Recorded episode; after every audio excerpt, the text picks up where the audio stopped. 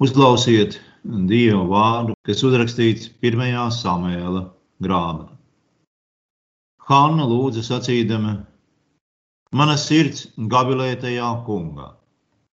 Tas kungs manu spēku augstu cēlis, mute man lielās pret maniem naidniekiem, jo es līksmoju par tavu pestīšanu. Neviens nav tik svēts kā tas kungs, neviens nestāv tev līdzās. Nav tādas klīnas kā mūsu dievs. Nerunājiet vairs tik pārlieku lepni, ka uzpūtība jums nāk no mutes, jo kungs ir zināšanas dievs. Viņš izsver visus darbus. Varoņu loki salauzti, bet vārguļi apjozušies spēku. Pārtikušie salīgs par maizi, un kas cieta badu tiem atliek. Neauglīgā dzemdē septiņus, bet kurai bija daudz dēlu, tā nīkst. Kungs nokāja un dara dzīvu, noved šeolā un izved no tā. Kungs piešķir mantojumu un bagātību. Gan pazemo, gan ceļ augstu, Viņš pieceļ no pīšļiem zemo, no saslaukām paceļ trūcīgo, lai sēdinātu ar augsmaņiem un godības troni dotu manto. Jo kungam pieder zemes balsts, uz tiem viņš pasauli stiprinājis, savu uzticīgo soļus viņš sargā. Bet ļaundari tumsā tiks apklusināti, ne paša spēks vīru dara stipru Kungs sagrauj tos, kas pretojas viņam. Pret tādiem viņš pērkonu debesīs dārdina. Kungs iztiesās zemes galvas, viņš dos vāru savam ķēniņam un augstu cels sava svaidītā spēku. Āmen. Ja ir grūti iedomāties gadu bez Kristus dzimšanas svētkiem, tad daudz grūtāk būs atrast kādu, kam pietrūks otrā svētdiena pēc Kristus dzimšanas svētkiem. Tomēr šeit mums tāda ir, un mēs raudzīsim, ko ar to iesākt. Tikko dzirdētais vecās derības teksts mūs ved atpakaļ cauri Ziemassvētkiem pie kādas citas mātes, kurai bija bērns. Un kas tur īpaši? Katru dienu kādai sievietei dzimis bērni, to mēs zinām visi. Un bērnībā mums nav nekā ikdienišķāka par māti, Viņa vienmēr ir kaut kur mums blakus. Tomēr pašai sievietei būt mātei nebūtu nav parasta lieta. Katra bērna dzimšana un rūpes par to ir īpašas. Lai gan pirmā bērna dzimšana ir kaut kas sevišķs, tomēr arī otrais un pat trešais bērns nav vienu un to pašu notikumu atkārtojums. Atkārtotais parastais, konkrētais un vienreizējais. Kā šīs lietas savstarpēji saistās mūsu dzīvēm. Šāda savstarpēja saistība ir vitāli svarīga veselīgai dzīvei. Tie, kuru dzīves ir ierastu lietu un rutīnas pilnas, slīgst garlaicībā. Tie, kuri dzīvo tikai atsevišķajam mirklim, virzās uz priekšu nevienmērīgiem lēcieniem bez savstarpējās lietu saistības. Tie nejūt sevi kā daļu no kaut kā lielāka, vesela. Hanai kļūt par māti nebija kaut kas parasts. Ja viņa ilgus gadus bija neauglīga. Viņa par sevi nedomāja kā par izņēmumu, kā par kaut ko atsevišķu, sevišķu, jo viņai bija vīrs un viņa vēlējās būt māte. Hanna nedomāja par sevi kā par apkārt lejojošu būtni, kura tikai nejaušības pēc ir nokļuvusi tur, kur viņa ir. Hanna piederēja dieva tautai, kurai bija doti apsolījumi attiecībā uz to, ko Dievs darīs caur šo tautu un šai tautai. Dievs viņas izpratnē bija tāds dievs, kurš ir uzticīgs savai tautai. Es būšu tavs dievs, un tu būsi mana tauta. Hannas ģimene, kas dzīvoja Rāmā, piederēja Efraima ciltī, Un Efraima cilts savukārt bija daļa no dieva tautas Izrēla. Attiecības starp viņas tiešās ģimenes locekļiem un lielākās ģimenes locekļiem un dieva tautas locekļiem bija daļa no viņas ikdienas dzīves. Hannas identitāte, jeb tas, kas viņa bija, kā daļa viņa bija, bija ikdienas lietas viņas mājās. Viņas identitāte nāca un tika saturēta kopā ar ikdienas lūgšanām un dieva pielūgsmu. Tāpat kā visa Izraēla tauta, Hanna tika lolota un auga vietējā draudzē ar kopīgu dievkalpošanu un lūgšanām. Atzīstot to kungu, kurš saturēja viņus kopā kā savus ļaudis un piederības apziņa tautai, kur atzīst to kungu, kurš slēdzas ar tiem derību, apsolīdams būt tās dievs. Īpaši izpaudās tad, kad Izraēla bērni devās uz Šīlo, vienos no trim lielajiem gada svētkiem, kas sasaistīja gadu vienā veselā darba un ļaujas ritmā ar dievu devēju, derības un apsolījuma dievu. Izdzīvojot dieva mērķus un apsolījumus, Izraelieši apzinājās sevi kā daļu no dieva tautas. Viņu dzīves nāca no dieva rokām. Tās tika dieva uzturētas un saistītas kopā, vienas tautas dzīvē, cilts dzīvē, ģimenes dzīvē, katra atsevišķā cilvēka dzīvē. Šo dzīvju dāvanu un virzību tika svinēta lielajos svētkos Šīlā, atsevišķajās draudzēs, ģimenē un privātajā ļaužu lūgšanu dzīvē. Un šāds veselīgs dzīves piederības ritējums tika pausts ar diženo vārdu miers. Traucēkļi šai plūsmai kavē veselīgu lietu ritējumu ļaužu kopējo dzīvi un darbu mierā. Miera ienaidnieki apdraud un šķeļ dieva tautas, cildes, ģimenes, personas dzīves ritēju. Hannas pašas bēdas bija tās, ka no viņas neauglīgā klēpja neturpinājās dzīvības plūdums.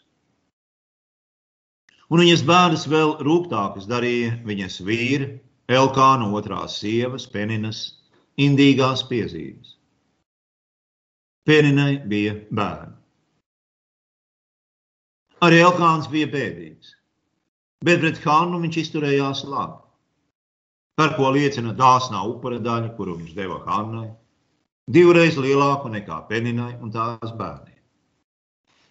Un tad kāds priesteris aizvainoja Hannu, jo uzskatīja viņu par pļāpīgu sievu, kas svinību laikā iedzērusi pārāk daudz vīna. Un tās lietas, kas bloķēja Hannas dzīvības un miera plūstošo ritējumu, nenošķīra viņa rūgtā vietulību. Ja savās lūkšanās viņa visu cēla tā kunga priekšā, viņa nerāpās pāri un necentās parakties zem tiem traucēkļiem, kas kavēja viņas dzīves ritējumu. Johāna zināja, ka viņas dzīve un dzīvība nāca no tā kunga. Savā lūkšanā viņa prasīja dievam, lai viņas dzīve varētu brīvi un netraucēti ritēt no viņa. Sākoties no tā kunga, kurš varēja radīt dzīvības plūsmu no viņas klēpja, un tad viņa apsolīja to atdot atpakaļ tam kungam savu plūstošās dzīvības dāvanu. Ej ar mieru, sacīja priesteris, ar to norādot, ka lietas kārtosies kopā tā, lai veselīgais dzīvības plūdums turpinātos. Izraēla Dievs piepildīs lūgumu, ko tu esi viņam izteikusi.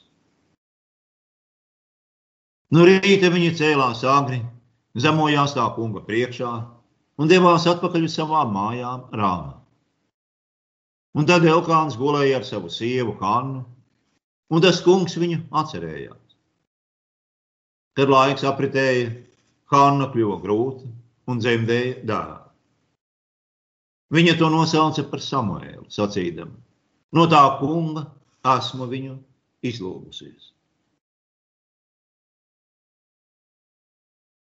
Nākošajā reizē, kad tiem bija jādodas uz Šīlo, Hanna sacīja, ka tai bērna dēļ jāpaliek mājās. Un Elkāns bija gudrs diezgan, lai neizliktos, ka zina vairāk par to, kas nepieciešams bērnam, nekā viņa māte. Bez šaubām par Hānu gulās viņas zvērestas smagums, atdot savu bērnu kalpošanai tam kungam Šīlo. Viņa vēlējās paturēt Samuēlu pie sevis, cik ilgi vien iespējams. Lai gan viņa zināja, ka bērns pieder viņai, un tomēr arī nepieder. Samuēls bija arī Elkāna dēls, un viņš bija pieņēmis Hānas solījumu kā savu. Hanna bija apsolījusi atdot viņu abu bērnu tam kungam. Un, kad viņa beidzot aizveda Samuēlu uz Šīlo, Hanna sacīja, ka viņa ved savu dēlu pie tā kunga, savu un tomēr ne savu dēlu. Elkāns šo pasākumu lepni atzīmēja ar īpašu upuri, pienesot upurim trīs gadus vecu vērsi, ēfu miltu un vīna trauku. Un tad Hanna pastāstīja priesterim, kurš bija viņu aizvainojis, to, kā Dievs ir uzklausījis viņas lūgšanu. Un tad tas viss izlausās uz āru Hannas pateicības lūgšanu. Psalmā, kuru viņa varētu būt mācījusies no liturģijas vai arī svētdienas skolā. Viņas lūgšana pauž, ka tas viss ir vērsts uz Dievu. Jo Hanna zina, ka viss, kas viņai ir dots, ir no Dieva. Viņas dzīve plūs brīvi uz Dievu, kā viņa ir saņēmusi no Dieva savu dzīvības plūdumu, plūdumu, kas kļūst lielāks viņas ģimenē, draudzē un viņas tautā. Un tā visa centrā, pašā vidū ir Dievs, kurš satur to visu kopā un no kura nāk dzīvības trauma, kas paceļ Hannu gavilējošā pateicība. Dāla dāvana ir pārpludinājusi viņas dzīvi ar laimi. Tā ir piepildījusi viņas tukšumu. Un pār Hannu vēlās visas labās mātes lietas, un laimes un prieka viņi vēlās tālāk, caur viņas ģimeni, draugu, viņas mazo rāmas pilsētiņu, un tagad tautas dzīves centrā saiešanas teltī ar derības čirstu šīlo. Vieta, kur tas kungs bija, Ar zvērstu apsolīja savai tautai savu plānu. Un šeit Hanna no jauna iztukšo sevi, savas dzīves laimīgāko dāvanu, atdodot atpakaļ tam kungam. Šīlo viņa atstās atkal tukšu. Psalms, ar kuru Hanna saka savas lūgšanas tam kungam, atzīst, ka tas kungs ir viņa kungs. Ne tikai priecīgajās, bet visās viņas dzīves dienās. Savās rūktajās dienās viņa nepagrieza muguru savam kungam, pametot viņu, sakot, ka viņš nerūpējas par viņu vai nav dievs. Hanna bija asarām acīs saukusi viņu savās vajadzībās un nelaimē. Un tas kungs deva viņai bērnu, un viņa izplūda priekpilnā pateicībā. Bet Hāna nesaka, tas pierāda to, ka Dievs patiesi ir. Ja Hanna to būtu sacījusi, kad viņa atstāja savu dēlu, viņa būtu sacījusi Dievam nekā vairāk no tevis. Kad cilvēki saka, ka viņi ir zaudējuši savu ticību, lielu bēdu vai nelaimes dēļ, tad ar to tie apliecina, ka tiem nav bijis daudz vai pat vispār nekā ko zaudēt. Šādi cilvēki netic Dievam, viņa vārda, viņa vēsti, viņa apsolījumi. Pirmā lieta tiem ir tas, ko viņi grib. Un Dievs ir viņu kalps, kurš gādā par to, ka tie dabū un patur to, ko tie vēlas. Un tas ir pilnīgi pretējais ticībai. Apliecībai, ka Dievs ir tas kungs. Hanna turēja savu ticību savā tukšajās dienās. Viņa turēja savu ticību savā laimes dienās. un tajās dienās, kad viņas dēls vairs nebija ar viņu. Visa viņas dzīve, viss tas, kas viņa bija, viņas sirds bija tajā kungā. Tas kungs bija akmens pamats, uz kurā visas viņas dienas un visas viņas dzīves atsevišķās daļas turējās kopā.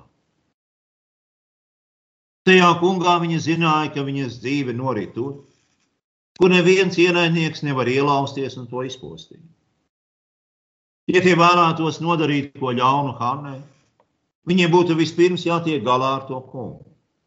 Arī Hanna saka, mana sirds gavilē tajā kungā. Tas kungs man uz spēku augstu cēlis, muti man lielās pret maniem naidniekiem, jo es līksmoju par tavu pestīšanu. Viņš ir vienīgais kungs, Dievs tas kungs. Nav cita kunga, nav neviena lielāka par viņu. Viņš ir pāri visam. Mēs nevaram likt viņam atskaitīties sev, jo viss, ko viņš dara, ir pareizs un labs.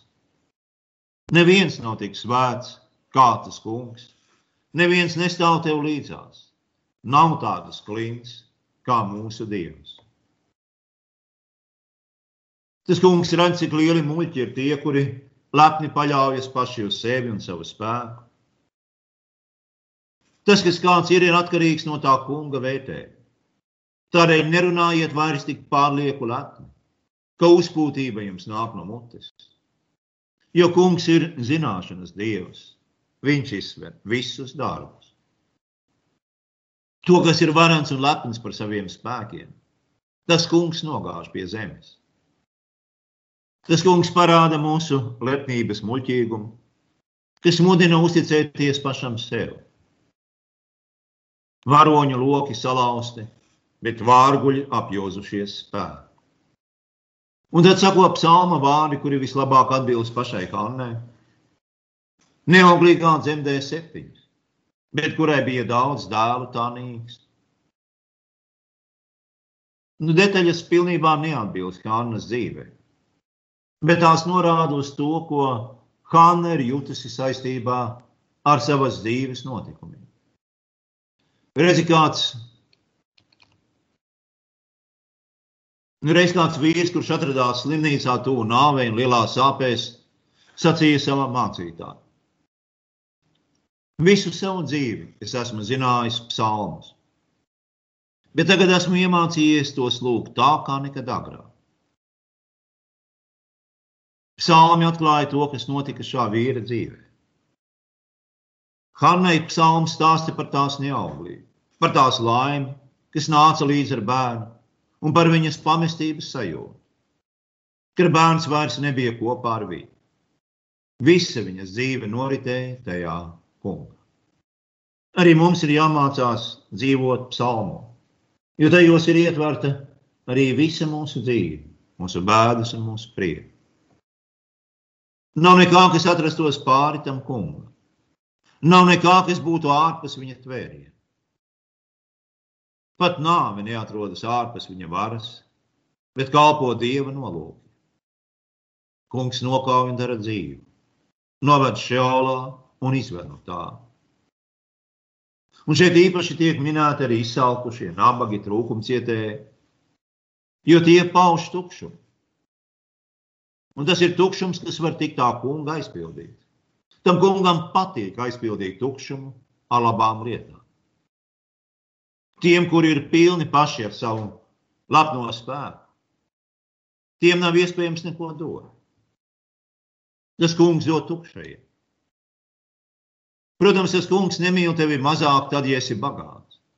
Bet viņš vēlas, lai tu pateicies viņam par savu bagātību un lieto to kā viņa bagātību. Tas kungs to ir tev aizdevis, un tu dod to viņam atpakaļ, kā to darīja Hanna ar savu lielāko dāvanu. Savu dāvanu. Turpinot dzīvot tajā kungā. Un Hanna tika pasargāta no lielīšanās un lepnuma par savu zaudējumu. Viņa nelielījās par savām ciešanām, par tam kungam doto dāvanu. Ja tas kungs viņai deva vēl trīs dēlus un divas meitas. Tālūk tas kungs dara bagātu un nabagu. Viņš gan pazemo, gan ceļ augstu. Hanas psalmā, kuru tā lūdza, ir vēl daudz kā. Dažas no lietām, kuras viņa sacīja, bija no viņas pašas dzīves, citas nebija. Tas kungs, piemēram, nebija devis viņai sēdēt ar augsmaņiem, bet viņa lūdz šo psalmu par visu dzīves prieku, visu dzīvi, dzīvot tajā kungā. Hannas dzīve bija viņas lūkšanās. Hannas dzīve bija šajā liturģiskajā psalmā, un tā kunga pielūgšanās aiešanas teltī šīlā. Un no šā centra viņas dzīve bija tajā kunga arī rāmā vietējā draudzē, viņas pašas mājās un ģimenē. Viss viens vesels, viena plūkstoša dzīvības trauma. Ne pat druskai un gabaliņam no tā un šitā, bet visam sadarot kopā. Viss viens organisks, dzīves, dižans veselums, kas saucās tajā kungā. Šodien mēs esam lasījuši un uzklausījuši Dieva vārdu savās dzīvēs. Daļa no šiem vārdiem atbilst mūsu dzīvēm, daļa nē. Ar lūkšanām un dziesmām mēs atzīstam, ka mūsu dzīves noritējā kunga. Mēs lietojam Dieva vārdu dievkalpojumu sākumā. Ticības apliecībā apliecinām, ka Viņš ir tas kungs. Un mēs beigsim dievkalpojumu ar viņa svēto vārdu, kas dāvā mums svētību un mieru. Mums nav nekā, kas būtu ārpus Dieva kundzības. No viņa plūst mūsu dzīve savā nabadzībā un bagātībā. Mūsu spiešanā pie zemes un celšanā augšā. Viņš ir tas kungs. Neviens nav tik svēts kā tas kungs. Neviens nestāv viņam līdzās. Šis klīns pamats pavisam noteikti aptver visu mūsu dzīvi satur to kopā un virza pretī tam kungam dievkalpojumu. Mūsu dzīves izriet no viņa, un visa, ko viņš dod mūsu draudzē, mūsu mājām, ģimenēm un kopienām. Gads, kurš atrodas mums priekšā, nesīs gan ierasto, gan jauno un neparastu. Un to visu mums ir jāizdzīvo tajā kungā, jo cita kunga nav. Viņš ir kļuvis par vienu no mums ar mazo Mariju, kura savā pateicības dziesmā dzied daudz ko no šī paša psalma. Viņa dzied par savu dēlu, kuru norādīja Hānas psalma beigu vārdu tas svaidītais, tas mesija, tas Kristus. Mīlestība, kas aizved viņos silīti un krustu, ir mīlestība, kurā mūsu dzīves tiek uzturētas un dzīvotas. Uzturētas un dzīvotas tajā kungā. Āmen! Thursday.